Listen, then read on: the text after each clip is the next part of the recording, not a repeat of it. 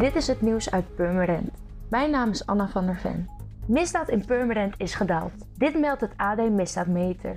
Op de misdaadladder van het Algemeen Dagblad is Purmerend van plek 110 in 2017 gestegen naar plek 75 van vorig jaar.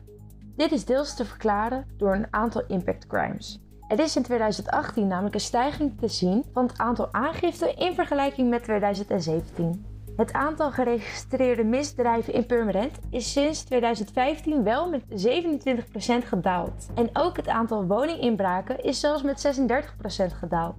Er is vanaf 2015 een daling te zien op alle high-impact crimes. Vorig jaar was er volgens burgemeester Don Bel een piek, maar deze trendlijn zal gaan dalen. De Melkwegbrug over het Noord-Hollands kanaal is van woensdag 10 tot en met vrijdag 12 april afgesloten voor scootmobielen, bromfietsers en fietsers. Voetgangers kunnen de brug wel over, maar moeten de boogbrug gebruiken. De afsluiting is nodig omdat er gesleuteld moet worden aan de aandrijving van de brug. Mensen met een bromfiets of scootmobiel moeten die dagen omrijden via de sluisbrug. De omleiding wordt aangegeven met borden. Als alle werkzaamheden volgens planning verlopen, kan de Melkwegbrug vanaf volgende week vrijdag aan het einde van de dag weer in gebruik worden genomen.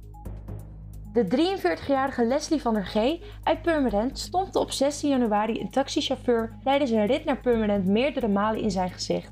Na te zijn aangehouden schopte hij tijdens de rit naar het politiebureau de agent die achter het stuur zat tegen zijn been. De rechter veroordeelde hem tot vier weken cel, waarvan twee voorwaardelijk. De officier van justitie vond het kwalijk wat de man had gedaan. Geweld tegen de politie moet hard worden afgestraft, benadrukte zij. Ze legde de man een verplicht contract op met de reclassering en zo nodig een behandeling om van zijn alcoholmisbruik af te komen.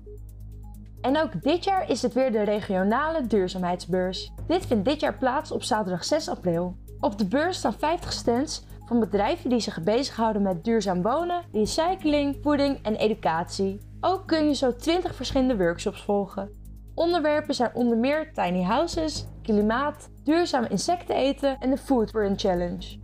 Bezoekers zijn tussen 10 uur s ochtends en 4 uur s middags welkom in de sporthal De Kloek in de Middenbeemster. De toegang hiervoor is gratis. Meer informatie over het programma is te vinden op regionaleduurzaamheidsbeurs.nl.